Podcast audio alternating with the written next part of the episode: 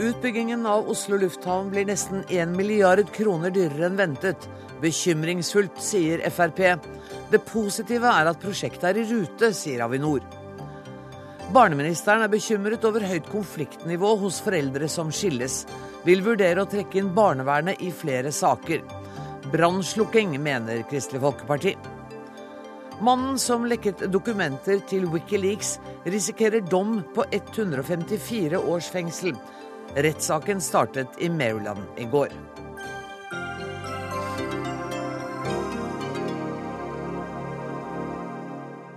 Dette er sakene våre denne tirsdagen, der vi også skal møte dama som er arbeidsom, kunnskapsrik og har god orden på økonomien. Derfor får Hanne Tømta fire nye år som sjef på Nationaltheatret. Men først. Utbyggingen av Oslo lufthavn blir 950 millioner kroner dyrere enn først budsjettert. Det opplyste Avinor i dag. Prislappen på utbyggingen blir dermed på 13,45 milliarder kroner. Og Nick Nilsen, velkommen til Dagsnytt 18. Du er administrerende direktør i Oslo lufthavn og ansvarlig for dette prosjektet. Hvorfor blir det så mye dyrere enn planlagt? Ja, Det har sammenheng med et hett eh, byggemarked hvor det er få tilbydere som presser prisene opp. Og det er komplekst å bygge flyplassen ut samtidig som vi skal drifte den. den eh, vi opererer nå på oppunder den kapasiteten den var planlagt for opprinnelig, så det er en utfordring. Og men det visste dere jo? Det visste vi, men det er første gang vi har gjort noe slikt. Vi visste det ville bli komplisert, nå har vi erfart det, og nå har vi da sett inn i fremtiden hva vil det medføre av eh, økt kompleksitet, og der konkluderer vi med at det vil være fornuftig å avsette større reserver. Ja, for det er 950 millioner som dere går i underskudd, og så er det drøye 600 millioner som dere setter av i tilfelle dere skulle ha bomma enda litt til. Ja, kan si det sånn, Jeg vil ikke kalle det underskudd, men vi, vi, setter av, eller vi får økte rammer på 950 millioner. Men la meg, ja, kan jeg ikke få oppklare litt, for i pressemeldinga deres, og det er mulig at du må hjelpe meg å rydde opp i, i mitt hode nå. Så, for jeg lurer på om det er bare 950 millioner som er underbudsjettert. For i løpet av byggeperioden, skriver dere, så vil ca. 17 millioner flere passasjerer enn beregnet reise via Oslo lufthavn. Dette vil bidra med om lag 4 milliarder kroner i økte inntekter i utbyggingsperioden. Sånn at realiteten er vel at dere er underbudsjettert med nesten 5 milliarder? Nei, slik blir det ikke. Okay. For disse to eh, tingene henger for så vidt ikke sammen. Det første dreier seg om et utbyggingsbudsjett. Det andre dreier seg om eh, prosjektets lønnsomhet. Så, så vi vil ha, få fire milliarder mer i inntekter enn denne perioden, som vi også kan bruke til å finansiere de økte utbyggingskostnadene med. Men da ville dere jo ikke ha trengt de ekstra 900 drøyt 900 hvis dere kunne bruke av disse 4 milliardene? Nei, men det henger, det, det henger, sammen slik at dette inngår i Avinors totale finansielle eh, investeringsplan. Og Der er de 4 milliardene sånn sett eh, underveis også inkludert og planlagt brukt til andre ting. Okay. Slik at For Avinor blir det en, eh, blir det en ny, en ny eh, utfordring på 950 millioner. Jeg beklager at jeg var helt på ordet, Bård eh, Hoksrud. Eh, du er kritisk til eh, selv en et underbudsjettering på 1 milliard, eller en budsjettsprekk på 1 milliard? Det er jo fordi at jeg forutsetter at Avinor, når de nå lagde disse regnestykkene og budsjetterte med dette her, så forutsetter jeg at det også der lå slingringsmonn i forhold til det å håndtere eventuelt merutgifter. Eh, som man nå da sier at først er det 950 millioner, som de nå sier, og så legger de på 650 til for å ha litt å gå på. Det er selvfølgelig for å unngå at dette kommer til å skje igjen. Så har jeg lyst til å si at jeg syns at Avinor er ganske flinke. Men det som er en utfordring, og har blitt en utfordring på samferdselsprosjekter, er at vi veldig ofte opplever at det kommer sprekker på kostnadene i etterkant av at prosjektene er vedtatt i Stortinget. Mm. Og det er et problem. Det, er... det, gjelder vel ikke bare veiprosjekter? Nei, det gjelder, vei... eller... det, det, gjelder, det gjelder, på mange måter offentlige byggeprosjekter og veiprosjekter. Mm. Bare Oslopakke 3, som var på 53 milliarder kroner for tre år siden, den er nå på 99 milliarder kroner. Og fortsatt har vi sannsynligvis ikke sett sluttsummen på hva det kommer til å bygge ut veiprosjektene bare i Oslo-området. Og likevel er du mot bompenger?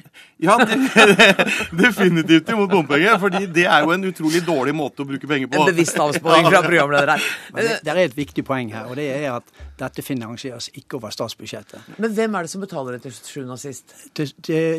Oslo lufthavn Avinor er et aksjeselskap, og vi har inntekter og kostnader som et vanlig selskap. Så våre inntekter kommer fra flytrafikken og fra de kommersielle aktivitetene vi har i, i, i, systemet.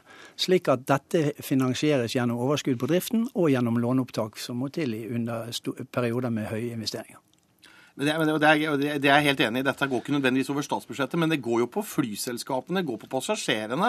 Og de betaler ganske høye avgifter til Avinor allerede for å få de dekk de kostnadene de har der. Og vi vet at både SAS spesielt har jo slitt veldig og hatt store problemer som selskap. Og det er klart å få den ekstrakostnaden her over på SAS og de andre selskapene, det gjør jo noe med, med, med, med de som selskaper også, for å kunne klare å møte dette her. Fordi sånn som det er nå, så bare sier Avinor dette må dere betale tilbake til oss. Fordi det kan man gjøre, ikke sant. Og det er jo problemet her, at når man da får den kostnadsoverskridelsen som vi får her nå. Vil det være i hovedsak flyselskapene som blir rammet av økte avgifter nå? Nei, det vil ikke være det. Fordi at vi, har, vi satser stort på kommersielle aktiviteter, slik, og de vokser betydelig raskere. Hva er det da? Ja, Det er utleie av arealer til folk som driver, eller virksomheter som driver forretning. Det kan være, det kan være serveringssteder det kan være bokhandel, det kan være bank, og det er duty-free-ordninger. Jeg hører at jeg kommer til å være med og betale dette her. Det kan du godt si, og det er vi takknemlige for. Men det er viktig å si at vi er klar over at vi ikke kan belaste flyselskapene for mye. Det er vi veldig klar over. Men, men passasjerene? Ja, Passasjerene har jo et valg mellom å kjøpe eller ikke kjøpe, men de kjøper. Ja. Eh, eh, er, du, er, vi nå helt sikre på at med de 650 som dere nå har lagt inn som en sånn buffer, så vil det ikke komme flere? Husk at dette gjør jeg opptak av, så jeg kommer til å bruke det mot deg igjen. Ja, takk for det. Da, da skal jeg i hvert fall gardere meg litt og si at sikker kan vi selvfølgelig aldri være. Men nå kjenner vi dette prosjektet veldig godt gjennom to og et halvt års byggetid, samtidig som vi har driftet flyplassen.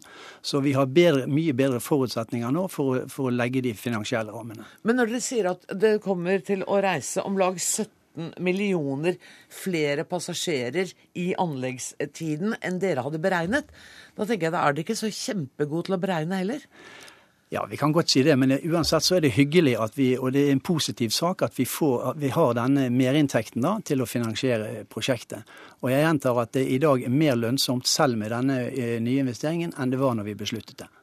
Ja, fordi at det er 17 millioner ja, flere, så, som genererer 4 milliarder kroner, ja. som da av en eller annen grunn ikke skal inn i dette regnskapet. Ja, det, det, høres jo veldig rart ut, men det er sånn man, man styrer dette innenfor luftfarten. Men jeg syns jo det er kjempebra at det er så mange flere passasjerer som reiser fra, fra Gardermoen, eh, flyplassen på Gardermoen. For det betyr jo at i framtida så har man mulighet til å redusere noe på de kostnadene som både passasjerene, som selskapene må betale inn til Avinor. Men det er det som er viktig å passe på for Avinor at ikke de liksom bare Fordi de bare kan hente på mange måter penger hos passasjerer og flyselskaper og andre, så er det utrolig viktig at de er veldig ryddige i det de gjør. Og jeg opplever i utgangspunktet at de er det. Det kan komme kostnadssprekker, det kan komme fra alle selskaper. Men det er liksom litt spesielt at på samferdsel så ser vi det på prosjekt etter prosjekt. At det er enormt store overskridelser, og det er det vi må til livs og prøve å få redusert. Men er ikke staten inne med noe penger her? Nei, Staten er inne med en garanti, men ikke med penger. Ikke med penger. Ikke med penger. penger. Og jeg syns det er viktig å få frem at uh, driften på, av Oslo lufthavn uh, finansielt er med på å drifte uh, Avinors system av 46 flyplasser. Det er det, en, en, av de viktigste årsakene til at Avinor kan drifte og utvikle resten av flyplassystemet i Norge.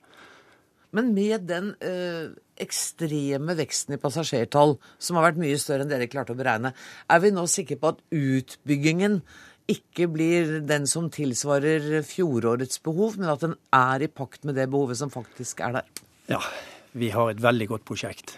Og vi er trygge på at vi skal levere noe som virkelig står seg for fremtiden. Bare minn deg igjen om at det går et lydbånd her, og vi kommer til å konfrontere deg med det. Jeg er veldig klar over det.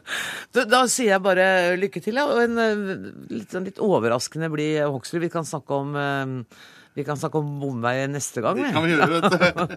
da, blir det, da er det liksom ikke så mye smil å se. Nei, Nei. ikke sant. Tusen takk for at dere kom, Nick Nilsen fra Avinor og Bård Hoksrud fra Fremskrittspartiet. Hør Dagsnytt 18 når du vil, på nettradio eller som podkast. nrk.no – dagsnytt 18.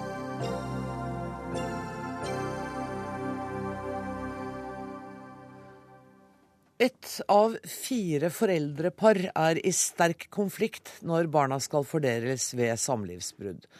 Barneminister Inga Marte Torkelsen vil vurdere å koble inn barnevernet når foreldre ikke klarer å samarbeide om barna etter skilsmisse. Og statssekretær i Barne- og likestillingsdepartementet, Ahmad Ghanizade, hvorfor vil dere det?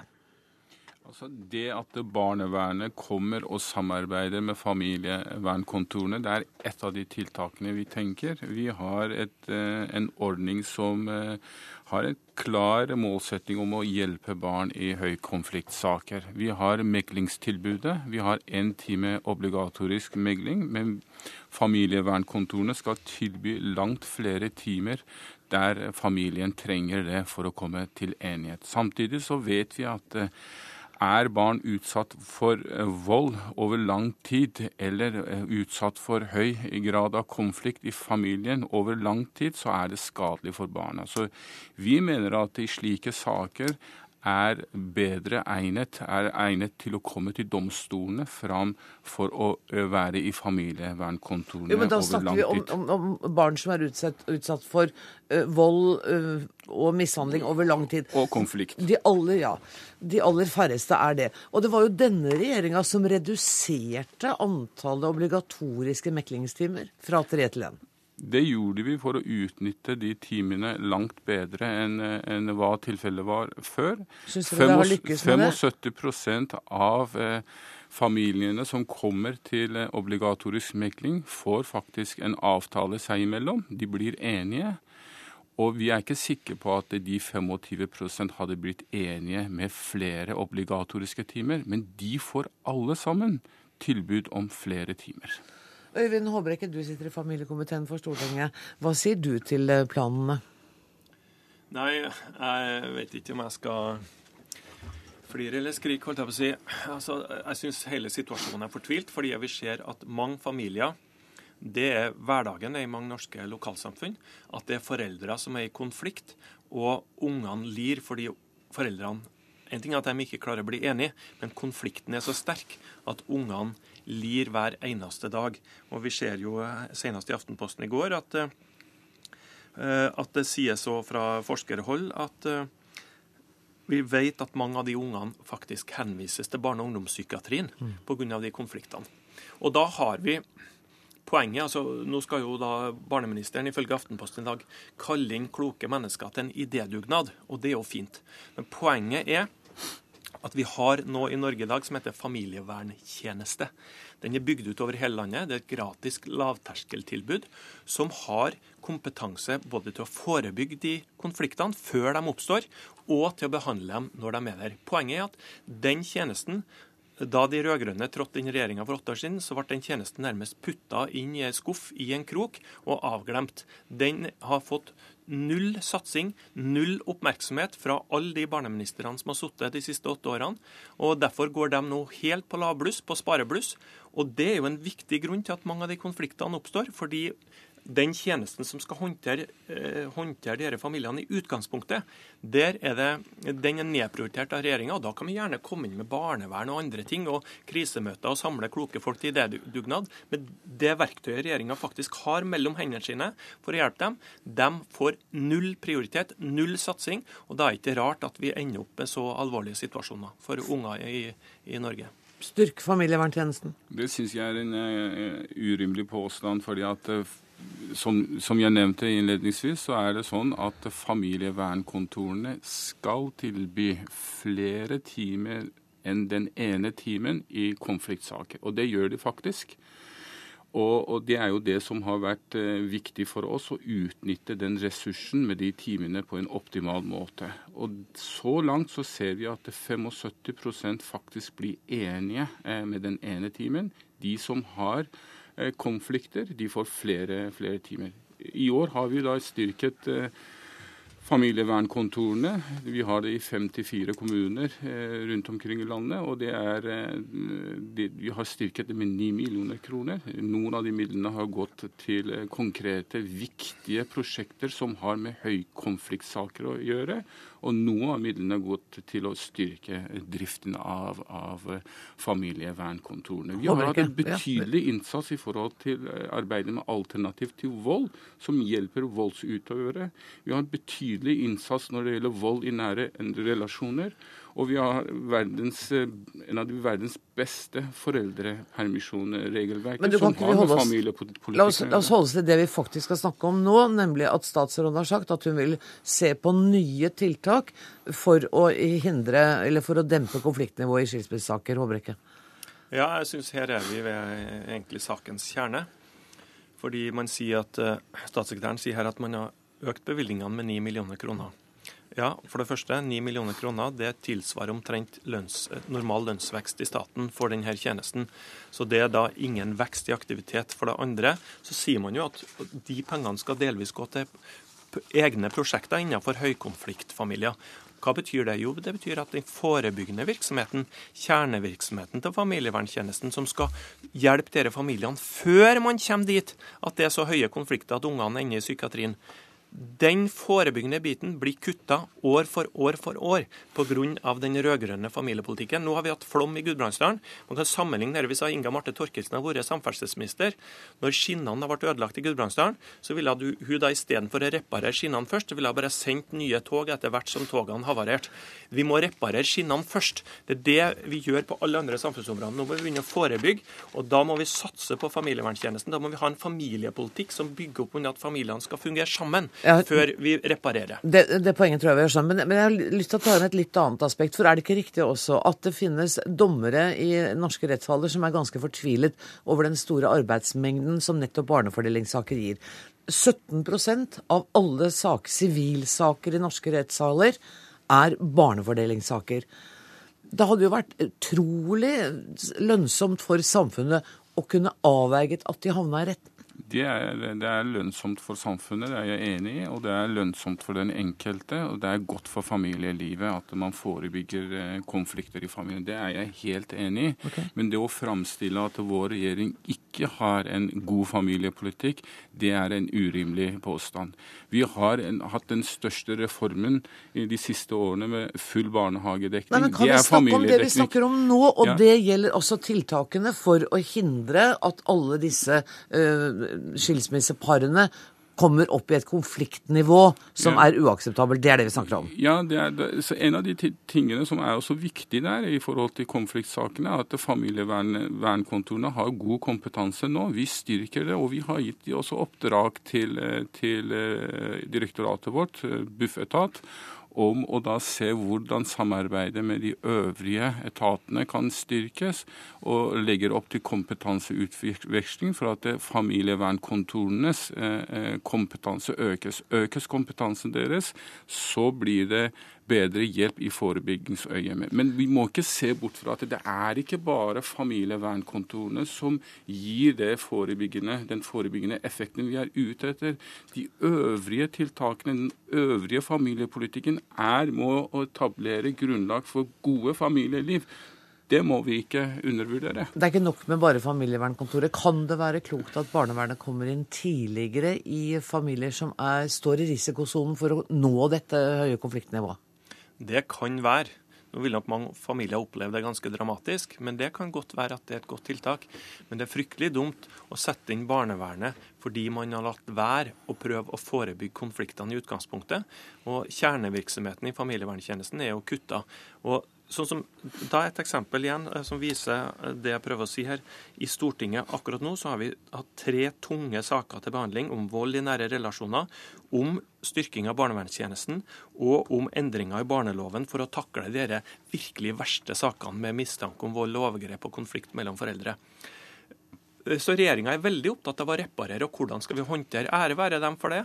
Men hvorfor i all verden kutter man og nedprioriterer man den ene tjenesten som skal er lavterskel, gratis tilbud til familier, som skal forebygge samlivsbrudd, som skal forebygge konflikter etter samlivsbrudd og hjelpe familiene å leve sammen. Nemlig vi mista familieverntjenesten. i 2005. Vi har ikke noen familiepolitikk. Det er det som er problemet. Mens eh, departementet, dere mener Ghanisada, at eh, dere styrker familieverntjenesten. Det mener vi, og vi mener at forebyggende tiltak er, må øh, vurderes på en bred basis. Eh, Familievernkontorene er én innsatsfaktor. Tusen takk for at dere kom, eh, Ahmad Ghanizadeh, statssekretær, og Øyvind Håbekke fra Kristelig Folkeparti.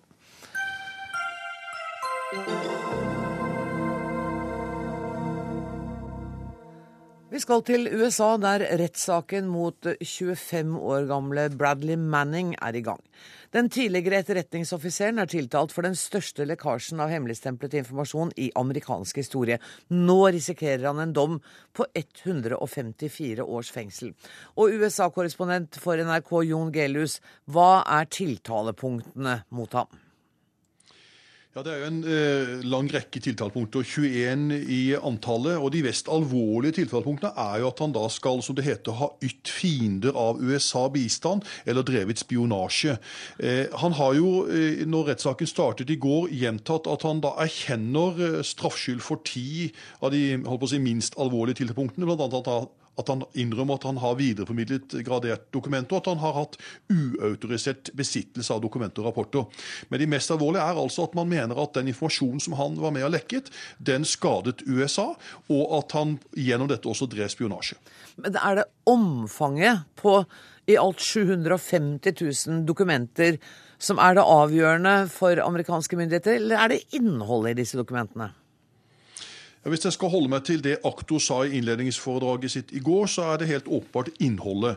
Eh, han mener at eh, Bradley Manning gikk eh, det han kaller fiendens ærend, at lekkasjene var til stor hjelp for USAs motstandere. Og han anklaget denne unge visekorporalen for å være drevet av en slags ren arroganse. Men det er klart at omfanget er jo også interessant, når det er flerfoldige hundre tusen dokumenter. Altså Han er jo anklaget og tiltalt for at for bl.a. med viten og vilje har lastet ned flere enn enn 100 000 dokumenter med hemmelig og gradert informasjon. Så skal han ha lastet ned over 250 000 diplomatiske rapporter som var sendt til det amerikanske utenriksdepartementet. Og i tillegg skal han ha lastet ned 74 000 e-postadresser og personopplysninger om amerikanske soldater som tjenestegjorde i Irak. Så også omfanget klart betyr noe, men aktor la vekt på innholdet i går. Hvordan fremstår Bradley Manning? Det er ikke så mye han har sagt eh, så langt i rettssaken. Den startet som sagt i går, og da svarte han egentlig bare at han eh, erkjente straffskyld for de ti minst alvorlige punktene, eh, og at han forsto omfanget av rettssaken og bekreftet på en måte at han var ved sine fulle fem i rettssalen. Nå er vitneavhørene i gang. Hva slags jobb er det forsvareren hans, David Coombs, står overfor? Ja, Det er ikke noe liten jobb, skal jeg si deg. For det er klart at han prøver å legge vekt på i sitt innledningsforedrag i går, og fortsetter også i spørsmålsstillingen i dag, eh, så mener han at mange av de opplysningene som eh, Manning er tiltalt for å ha lekket, allerede var fritt tilgjengelig på internett før Wikileaks publiserte dem. Og så understreket han, og det er tydeligvis der han legger inn noe av sitt store forsvar om at Bradley Manning den gang, han var 22 år, han var en ung og han kaller han naiv mann, som mente det godt med det han gjorde, at han ønsket å reise en debatt om krigene i Irak og Afghanistan. Han hadde en slags idealistisk målsetting framholdt av forsvareren hans, og viser altså at, at alle disse lekke dokumentene var eldre enn 72 timer, og således der ifølge forsvareren måtte kunne kalles å være gammelt nytt. Eh, så det er klart at han prøver å bygge opp under en idealist som var ung og naiv, eh, for å bruke forsvarerens egne ord. Og han risikerer altså en dom på 154 års fengsel. Når venter du at dommen faller? Ja, Dette kommer til å bli en langdryg affære. Eh, selve rettssaken kommer til å vare i tolv uker. og Det er ikke venta dom før i slutten av august. Aktoratet og forsvarerne har jo til sammen stevna 187 vitner, så du kan jo sjøl tenke deg. Eh, og Han risikerer altså da fengsel i 154 år eh, hvis han blir funnet skyldig i de alvorligste tiltalepunktene. Det betyr livstid. Han har allerede sittet over 1000 dager i militær varetekt. og Det er helt åpenbart at det kommer til å komme en dom, men hvor streng den blir, det vil man først få vite i slutten av august. Jeg tror jeg er helt sikker på at du og jeg kommer til å snakke mer om denne saken i løpet av sommeren. Takk for at du var med i dag, Jon Gelius.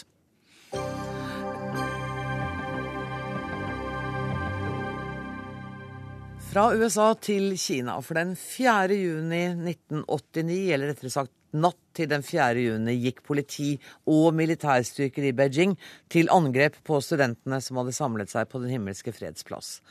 Flere tusen mennesker skal ha blitt drept, men myndighetene nekter å oppgi det nøyaktige antallet. Og det er også diskusjoner om hvor mange som ble drept på Den himmelske freds plass og i gatene og kvartalene rundt.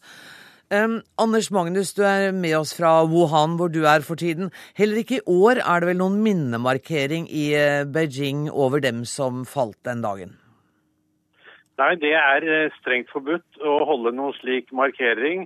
De som forsøker, blir fjernet eh, av politiet med en gang. Og det er utrolig mye politi på Den himmelske freds plass i dag. Men de fleste av dem er i sivil, så det er ikke så lett eh, for eh, utlendinger kanskje å se hvem som er det. Men det er veldig strengt i Beijing nå, fordi ledelsen i kommunistpartiet vil ikke at deres eget folk skal få vite, særlig de unge, at partiet sto bak massakren på, på studentene denne dagen for 24 år siden. Men i Hongkong har det vært annerledes. Markeres dagen der i dag også? Ja, da, Hongkong har en spesiell situasjon hvor de har ytringsfrihet og et slags demokrati. Der har det vært eh, mange titusener mennesker samlet til en årlig lysmarkering eh, over de som ble drept eh, denne dagen. Eh, eh, arrangørene sier det var 150 000 der, politiet sier at det bare var 54 000. Men det som skjedde i år, var at eh, det kom et forferdelig tropisk regnvær akkurat mens markeringen sto på, så den ble kortet noe ned i år i forhold til sånn som det har vært tidligere.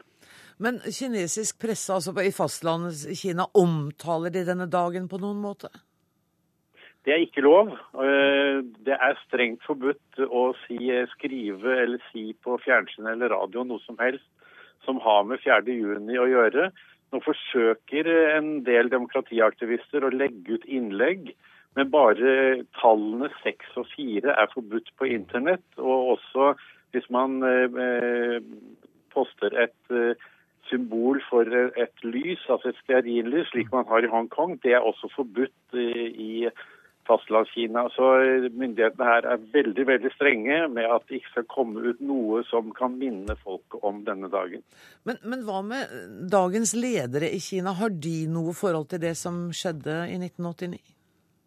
Ja, det er det som er litt spesielt. Eh, de sto jo ikke bak beslutningene om å gå til angrep på studentene, men eh, f.eks. Eh, dagens statsminister Li Keqiang var en av dem som hadde veldig mye med studentene og deres ledere å gjøre den gang og som også flørtet med en del liberale ideer, men han falt altså ned på den andre siden og skyndte seg å ta avstand fra, fra eh, demokratibevegelsen da han skjønte hvilken vei det bar. Men det er også andre ledere i eh, Politbyrået, altså den øverste ledergruppen i kommunistpartiet i dag, som, som eh, den gang var positivt innstilt til demonstrasjonene, men som nå ikke, selvfølgelig ikke kan si at de var det. Anders, er det noen tegn i dagens Kina på at uh, demokratiforkjemperne har vunnet fram? Er det blitt noe mer liberalt? Dessverre så må jeg si nei. Det er uh, veldig mange tegn på at det går i motsatt retning. Og i år så er det nok strengere tiltak overfor alle demokratiaktivister enn noen gang tidligere. De blir, jo, uh, de blir jo hentet i sine hjem og fraktet til hoteller eller midlertidige fengsler for at de ikke skal kunne gjøre noe som eh, minner om en eh, markering eh, av 4.6. Og disse mødrene fra Tiananmen-plassen, altså mødre til studenter som ble drept, sier i år at dagens president Xi Jinping han har ført Kina i mer i retning av Mao Zedongs politikk enn noen gang tidligere. Så det er veldig mange kritiske røster til at det går i mindre liberal retning i Kina for tiden. Terje Svabø, velkommen til Dagsnytt 18. Du var Aftenposten-korrespondent, og du kommer aldri til å glemme de junidagene i Beijing. Jeg skal høre litt hvordan du opplevde det, men jeg vil at du og jeg og alle andre sammen skal høre litt hvordan NRKs korrespondent, eh, nå avdøde Fritz Nilsen, rapporterte hjem da det var på det mest dramatiske.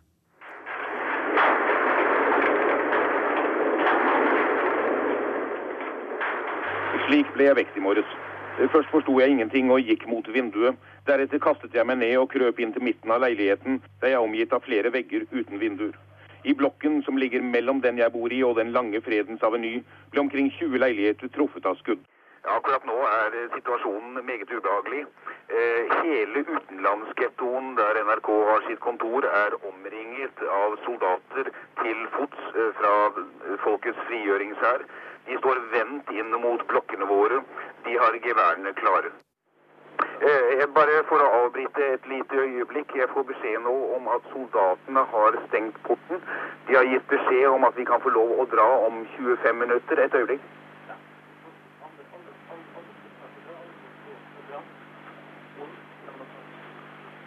Det er rett og slett gitt beskjed av soldatene som har stengt porten, om at alle får lov å dra til sine forskjellige ambassader om 25 minutter. Eh, Forutsetningen er selvfølgelig at det er noen biler med noe flagg som kommer for å hente oss. Eh, Det har vi foreløpig ikke noe klarhet i. Terje Svame, du var i leiligheten da Fritz leverte denne rapporten. Hvordan var det å høre den nå? Ja, det, var, det var veldig sterkt. Det var veldig sterkt. For det, det var jo noen veldig dramatiske timer og, og døgn, faktisk, hvor vi var inne i den leiligheten du også kjenner eh, veldig godt fra din tid der. Og nå gikk det jo veldig bra med oss, og det som skjedde med oss var jo helt bagatellmessig mot hva den kinesiske befolkningen opplevde, selvfølgelig. Men, men det er klart, når det skytes inn i flere av le- naboleilighetene, så, så er du rett og slett redd. Visste dere på det tidspunktet hvor dramatisk det var borte på Den himmelske freds plass? Ja, det, dette var jo to døgn etter at, eh, etter at eh, soldatene hadde gått inn på en uh, himmelske freds plass. Og vi hadde jo vært rundt omkring, både Fritz og jeg og andre korrespondenter, og sett på rett og slett likhaugene i, i sykehusene. Så vi, vi visste jo at eh, dette var forferdelig dramatisk. Men vi visste ikke hvor mange det var, hvor, hvor omfattende det var, og om det nå er flere hundre eller flere tusen, det, det spiller for så vidt mindre rolle. Det var jo en, en massakre.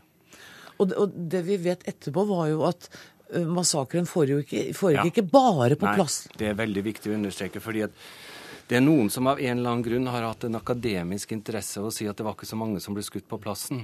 Og da sier jeg hva så? Altså, alle i Norge, tror jeg, iallfall av vår eh, generasjon, eh, husker bildet av han med posene som stoppet, eh, stoppet eh, tanksene. Det bildet er jo et fantastisk bilde, men dessverre så stoppet ikke tanksene på vei til Den himmelske freds plass. De kjørte rett fram, og de skjøt, og de kjørte over eh, alle som våget seg å gå ut i gatene. Så de fleste ble definitivt drept rundt Den himmelske freds plass da, da soldatene var på vei inn, og de stoppet altså ikke. Men altså, denne demonstrasjonen hadde jo vart lenge. Altså, Ja, ja. Studentene var jo der fra i midten av 17.-18. april. 15. april, ja. 15. Så, april. ja 15. april så døde daværende eh, partisekretær Hu Yaobang. Mm. Og han ble betrakta som en reformvennlig. Akkurat som den daværende eh, generalsekretæren, eller etterfølgende statsminister eh, Chao Xiang. Men, men det, som, det som skjedde, var at det er jo en tradisjon å gå og legge blomster ved monumentet over de falne helter, som jo ligger midt på plassen. Og det som skjedde, var at studentene begynte å gå og legge eh, blomster. Og så tiltok dette dag for dag for dag. Og det er veldig lett å huske for eh, en, en nordmann at eh, 17. mai så var det altså langt over én million mennesker i gatene i Beijing sentrum og, og demonstrerte. Så det var ikke et studentopprør, dette her, som det begynte. Det, det ble jo et folkeopprør. Tenkte dere noen gang at eh, fra den dramatiske dagen Mm. 7. juni at nå kommer myndighetene til også å gå om på alle utlendinger som er her? Nei, det, det, det, trodde vi faktisk ikke. Men, eh, men de hadde jo Altså, de, eh, alle, så å si alle utlendinger jo, var jo evakuert fra, fra, fra Beijing. Det var stort sett korrespondenter og he, det som ble kalt for helt nødvendige diplomater som måtte være, som, som var igjen. Men de, de, de skjøt jo inn eh, bl.a. på et av de eldste utenlandske hotellene som heter Django, som eh, ligger i, i sentrum. Der ble det jo barrikatert, og det ble det eh, alle andre steder. Men vi trodde aldri at de ville begynne å skyte på, på boligområdet for utlendinger. og det ble jo sagt at grunnen til at de gjorde det, var at det var snikskyttere inne, som selvfølgelig bare var en unnskyldning. Og de gjorde det vel for å, helt åpenbart å, å skremme, og det klarte de jo. Dere rapporterte jo hjem kontinuerlig. Mm. Um, hvordan var overvåkningen fra kinesiske myndigheters side? Altså, det, var jo portforbud i realiteten på, i disse dagene her. så- Var det det fra, helt fra de gikk inn på den Ja, altså det ble, det ble jo eh, eh, Det var vel 19. mai så ble det erklært eh, unntakstilstand. Og etter massakren 4. juni så ble det forbudt å eh, være, stå mer eller tre eller fire personer samlet i, i gatene. Og da kjørte de rundt med stridsvogner, eh, og de kjørte rundt med lastebiler hvor, hvor soldatene sto i ring bak på lasteplanet med, med, med maskingeværene ut, selvfølgelig. Og, og blant annet eh, En venninne til en NRK-sjåfør ble jo skutt gjennom sitt, sitt stuevindu fordi at de, de, de, skjøt på alt som de så mistenkelig, som var mistenkelig. Så det var et rent terrorregime disse dagene for å unngå nye demonstrasjoner, og det lykkes de jo med. Var det sånn at, dere, at du var redd for hva du skrev hjem? Nei, det, det, var jeg ikke. Jeg tenkte at uh, her, her, var det bare å, å, å skrive og, og rapportere, uh, fordi at vi trodde ikke og Så vidt jeg vet, så var det heller ingen, ingen journalister uh, som ble, ble, arrestert. Vi kom oss alle ut. Da, det, det internasjonale journalistmiljøet, trodde dere at denne demonstrasjonen var en sånn massiv ytring at den faktisk ville bety en forandring? Ja, vi trodde faktisk det. Mm. Altså, vi, vi, vi, trodde det fordi at uh, det var antagelig naivt når du har med et brutalt kommunistisk diktatur å, å, å gjøre, men, men, det var så enormt. Altså, det var Altså, folk Altså, det å gå gjennom Beijings dager i disse maidagene var, var, var nest, det var som en vår. Det var som en demokrativår, fordi at studentene ble hyllet. Eh, når de gikk i demonstrasjonstog, så, så sto folk langs eh, gatene og klappet. De delte ut vann, de delte ut is. Og, og, det var en veldig lettet stemning. Og så kom jo rapporten at dette spredde seg. Eh, fra, by, fra by til by ble det eh, flere og flere som deltok. Så vi trodde at dette må jo bety at uh, myndighetene var villige til å, å, gå inn i en dialog. Men så var det en liten, sterk mann da, som enkelte i Norge beundrer, som heter Deng Xiaoping, som satte foten ned, og gjennom sin marionett av Li Peng, som var statsminister, ble det da bestemt å sende inn uh, soldatene. Og bare et år etterpå så var det ingen som snakket lenger om hva som hadde skjedd Nei. på den himmelske. Og nå er det, som Anders Magnus sier, helt for, forbudt å si det. og derfor så forsøker de jo på sosiale medier, som Anders var innom, og forsøker jo å, å, skrive om det, men det er umulig. Men derfor så snakker man ikke lenge på sosiale nett om 4. juni, men om 35. mai. Mm. Men til og med det har de forbudt. Men kanskje neste år? Kanskje vi rett og slett skal møtes på Nemliske ja. fredsplass neste år? Sove. Det er en veldig god idé. Tusen takk for at du kom i studio og delte dette med oss. Takk skal du ha.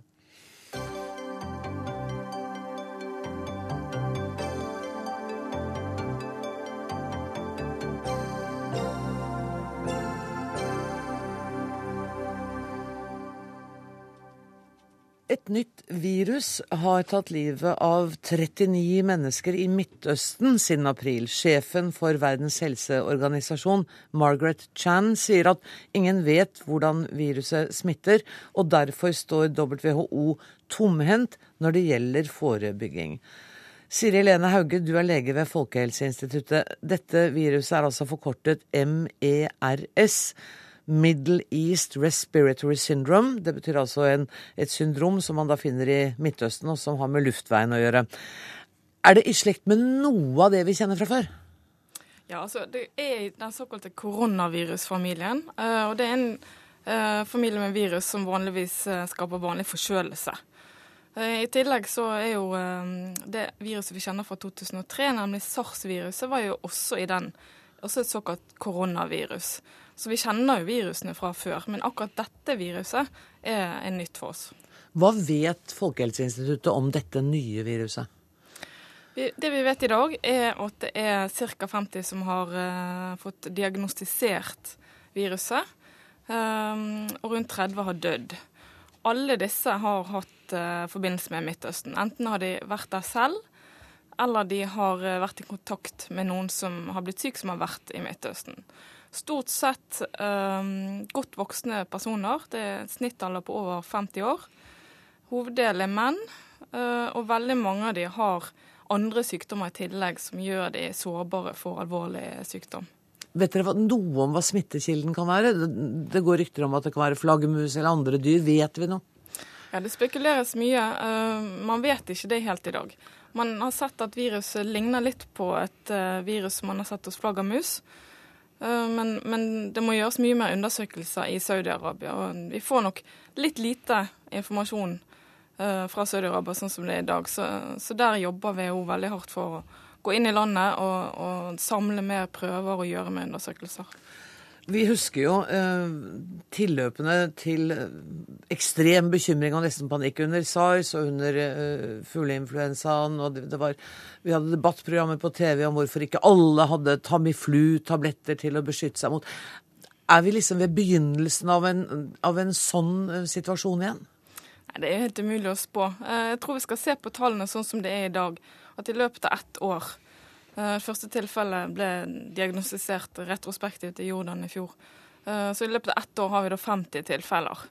Så, så, så det Mm. og hvor det vi mange dør av tuberkulose hver eneste dag i denne verden? Så, så jeg tror ikke folk skal grunn til å engste seg eh, over dette i dag.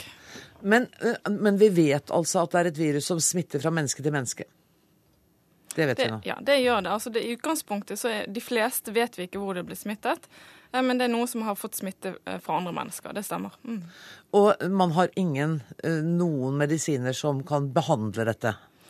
Nei. Eh, viruset kan gi både mild og alvorlig sykdom, det vet vi nå. Eh, vanligvis er det feber, hoste og, og en, som kan utvikles til en alvorlig lungebetennelse.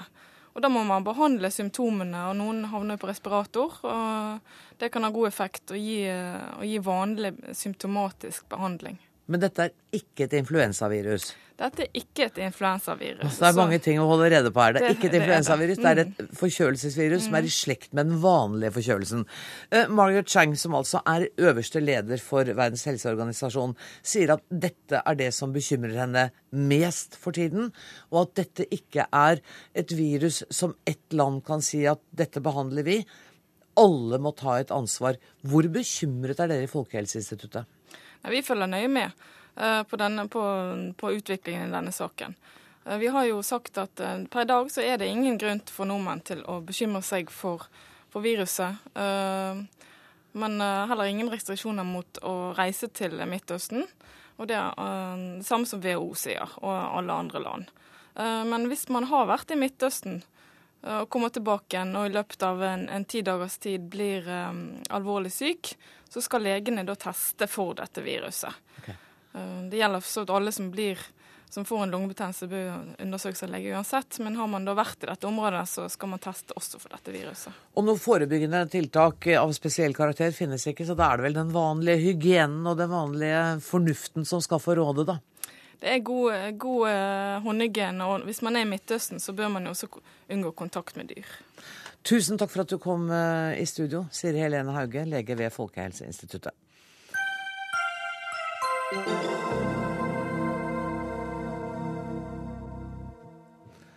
Regjeringen vil gi fagforeningene rett til å saksøke arbeidsgivere ved mistanke om ulovlig vikarbruk. I dag er det bare vikarene selv som har rett til å forfølge lovbrudd fra arbeidsgiver. Men Høyre lover at forslaget kommer til å bli kasta før det trer i kraft, dersom Høyre altså kommer i regjering til høsten. Og Anette Trettebergstuen, arbeidspolitisk talskvinne for Arbeiderpartiet. Hvorfor vil dere fremme dette forslaget nå? Jo, fordi at eh, det norske arbeidslivet det skal basere seg på faste, trygge ansettelser.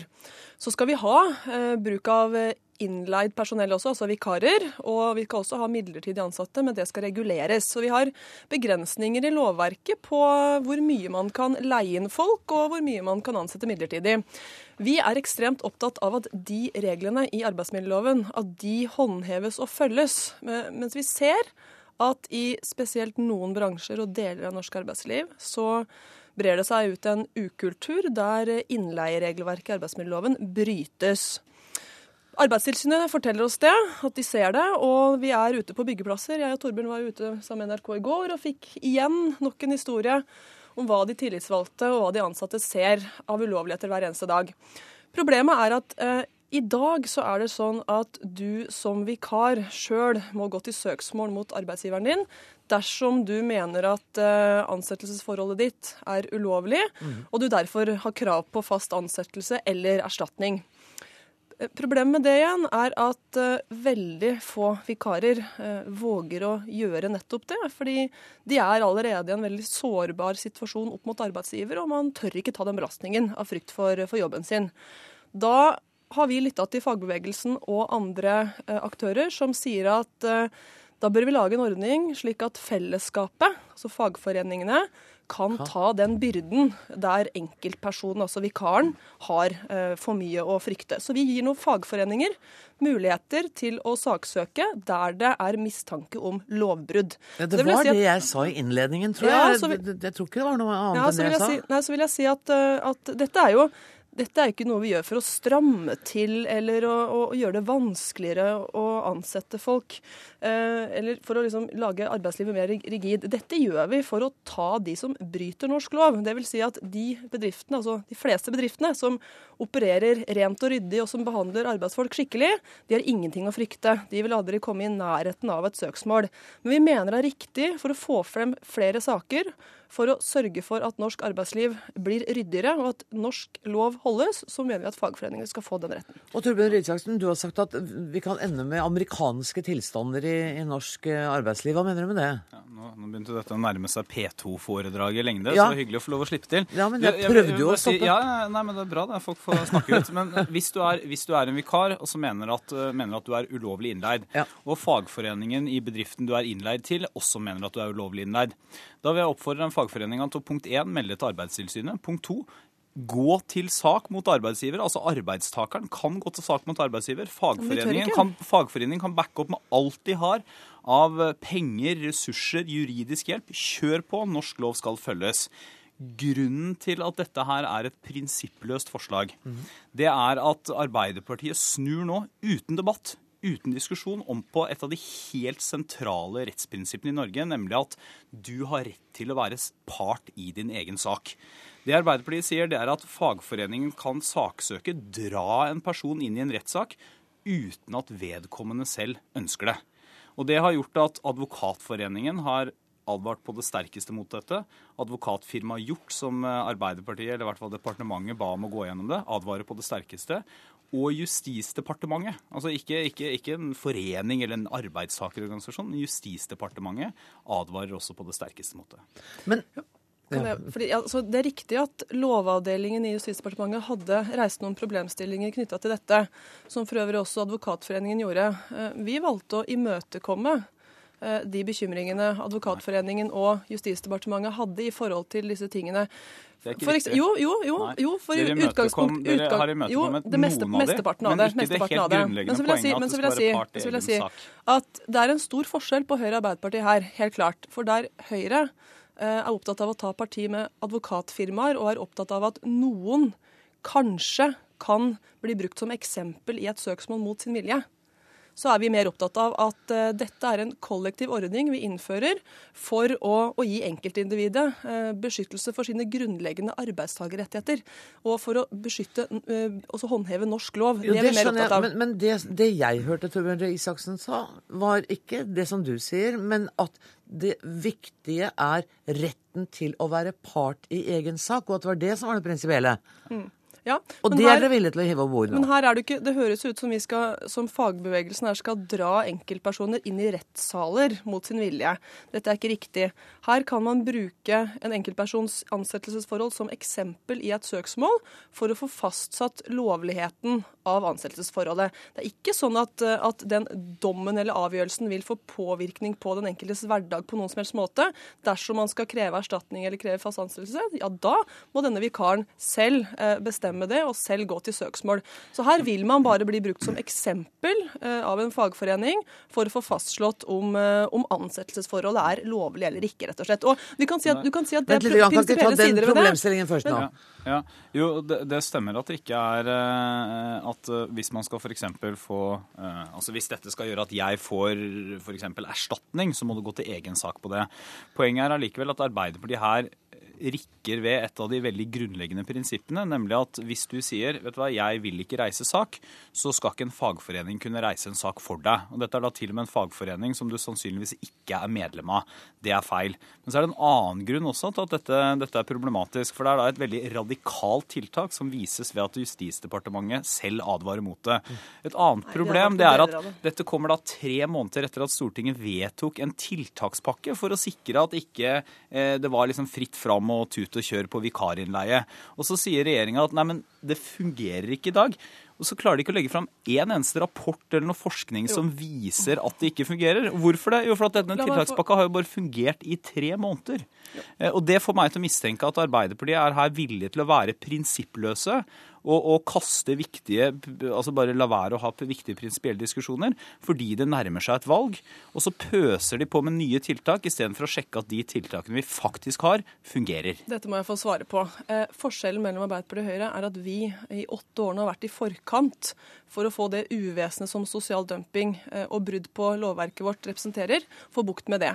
Høyre eh, inntar den samme gamle vante holdningen. Vi skal vente og se, vente og se på at arbeidslivet forverres før vi vurderer å iverksette tiltak. Vi eh, lytter til de som hver eneste dag tråkker rundt på arbeidsplassen, som ser at norsk lovverk brytes, som ser at omfanget av sosial dumping øker. Vi, innførte, vi har innført en stor og bred pakke med en rekke tiltak for at, eh, for at standarden i norsk, eh, norsk arbeidsliv skal, skal opprettholdes. Og dette tiltaket er ett tiltak i, jo, i, samme, i samme pakke. Fordi vi ser, og Arbeidstilsynet sier, fagforeninger sier, eh, de ansatte på byggeplassene i Oslo, der vi var i går, sier at lovene brytes hver eneste dag. Vikarene tør ikke gå til sak selv.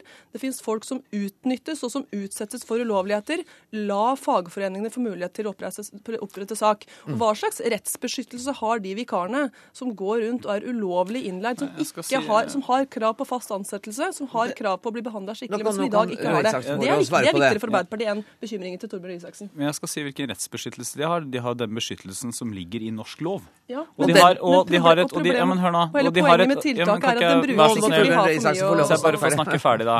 Og de har den beskyttelsen som ligger i at vi har et arbeidstilsyn som skal sørge for å håndheve dette her, pluss at fagforeningene har mange virkemidler. Og da mener jeg at da burde vi jo sørge for å ruste opp Arbeidstilsynet, ikke at det er sånn, nå får vi stadig rapporter si- fra Kan ikke jeg få si ferdig? Fagforeninger, rapporter fra hele landet hvor fagforeninger forteller at de gidder ikke lenger tipse Arbeidstilsynet, fordi at tipsene blir ikke fulgt opp. Og vet du hva, nå må jeg sette strek, for hvis ikke så begynner alle argumentene å komme en gang til. Og vi kan ikke det nå, men dere skal få lov å komme igjen. Jeg gleder meg til å se dere da. Jeg er Torbjørn Røe Isaksen og Anette Trettebergstuen.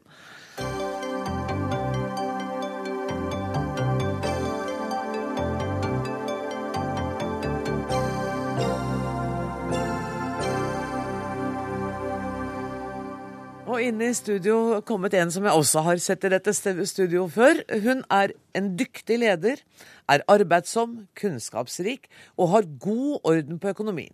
I dag presenterte Nationaltheatret sin eh, nye sjef en enstemmig beslutning fra styret og med full oppslutning blant de ansatte om at de ikke skulle ha noen ny sjef. De skulle ha deg, Hanne Tømta. Du fortsetter. Gratulerer. Tusen takk for det. Har det vært litt nervepirrende den der perioden før du Eller har du visst det hele tida at det kom til å bli deg? Nei, jeg har ikke visst det hele tiden. Jeg vil si at det har vært mer enn nervepirrende å være sjef som er, eh, hva skal jeg si, satt ut på anbud eller konkurranseutsatt. Så det har vært eh, krevende.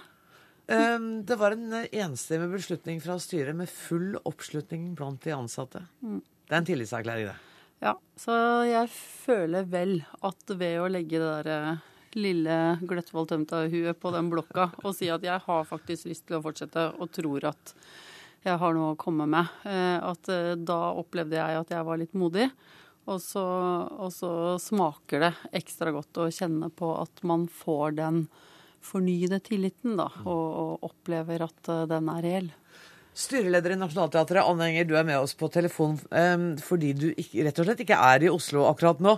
Um, dere hadde flere søkere, eller visste dere hele tiden at det var Hanne Tømta dere ville ha? Eh, nei, det, vi hadde mange søkere, og vi hadde en veldig grundig og skikkelig prosess. Og dette var ikke en sånn eh, overfladisk eh, test. Det var en eh, grundig prosess, og jeg syns at eh, teatersjefen gjennom den perioden, som jo selvfølgelig er svært krevende, har vist en stayerevne som eh, har imponert meg. Og jeg tror også for teatret at en slik periode hvor du da eh, ja, på en måte får en uro knytta til ledelsen, at det også kan eh, skape konstruktive og gode ting innad i teatret. Og Hanne fortjener honnør for måten hun har tatt denne perioden på. Men er det sånn at du som styreleder, nå når du sitter med Hanne Tømta igjen, tenker at kunne spart oss hele den kostbare og omstendelige prosessen? Vi kunne forlenga det åremålet hun allerede hadde? Nei, altså jeg tror at det er sunt ja, å gå gjennom en sånn grundig prosess etter eh, en eh, så, såpass lang periode. Han er jo nå i avslutningen av sin første periode. Og da er det naturlig at en eh, lyser ut, sånn som vi har gjort, og foretar en grundig prosess med, med også involvering fra de ansatte. Og jeg vil òg berømme de ansatte som har vært med i denne prosessen og bidratt til at det har blitt ryddighet, åpenhet mellom oss, og at vi har eh, fått en eh, enstemmig og god oppslutning om teatersjefen vår. Var det skarpe konkurrenter der ute? Det er, eh, har vært mange interessante interessenter og søkere, både fra Norge og fra de andre nordiske landene. Sånn at det har, her har egentlig eh, vært en eh, både interessant og viktig runde for oss som har vært med på det. Og jeg syns også at det må være en, en eh, klapp i ryggen på Hanne Tømta som får eh, fortsette. For det, dette var ikke walkover, for å si det sånn. Hun smiler så Ja, jeg kan ikke beskrive hvor fornøyd hun ser ut der nå. Men du, eh, Anne Enger, da jeg snakket med deg på telefonen i dag, så sa du også at det er en krevende periode eh, teatret nå går inn i, fordi dere driver med både renovering og fornyelse og bygging. Ja, Vi har ikke begynt med det ennå, men det er jo eh, også en gledelig sak at regjeringen i juni i fjor vedtok faktisk å sette i gang en konseptvalganalyse eh, med tanke på å eh, renovere, altså rehabilitere teatret. Eh, og ikke bare det, man har også slått fast at dette skal være et moderne teater med et 50-årsperspektiv på, på det som nå skal gjøres. Og Det innebærer jo en så stor og omfattende prosess både i teatret og kanskje rundt, sånn at vi regner med at teatret blir stengt eh, en periode.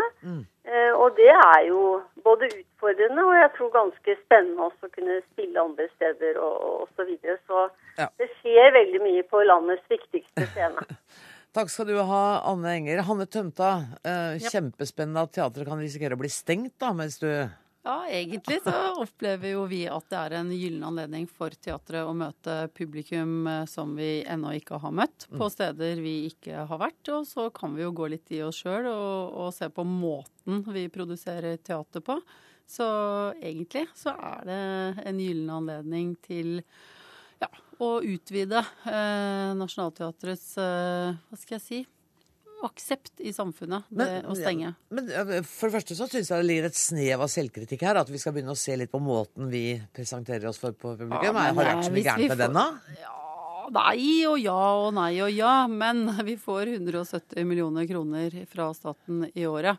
Og hvis ikke vi er sikre på at vi bruker de pengene best mulig hele tiden, mm. og hvis vi sier at ja, men sånn har vi alltid gjort det, så, så opplever jeg at vi har en utfordring. Du, eh, Nå sa Anne Enger at det skal være teater for de neste 50 årene. Er, ligger det i hodet ditt også? At du skal Jeg tenker for de neste fem åra, jeg nå, så jeg er veldig heldig sånn sett.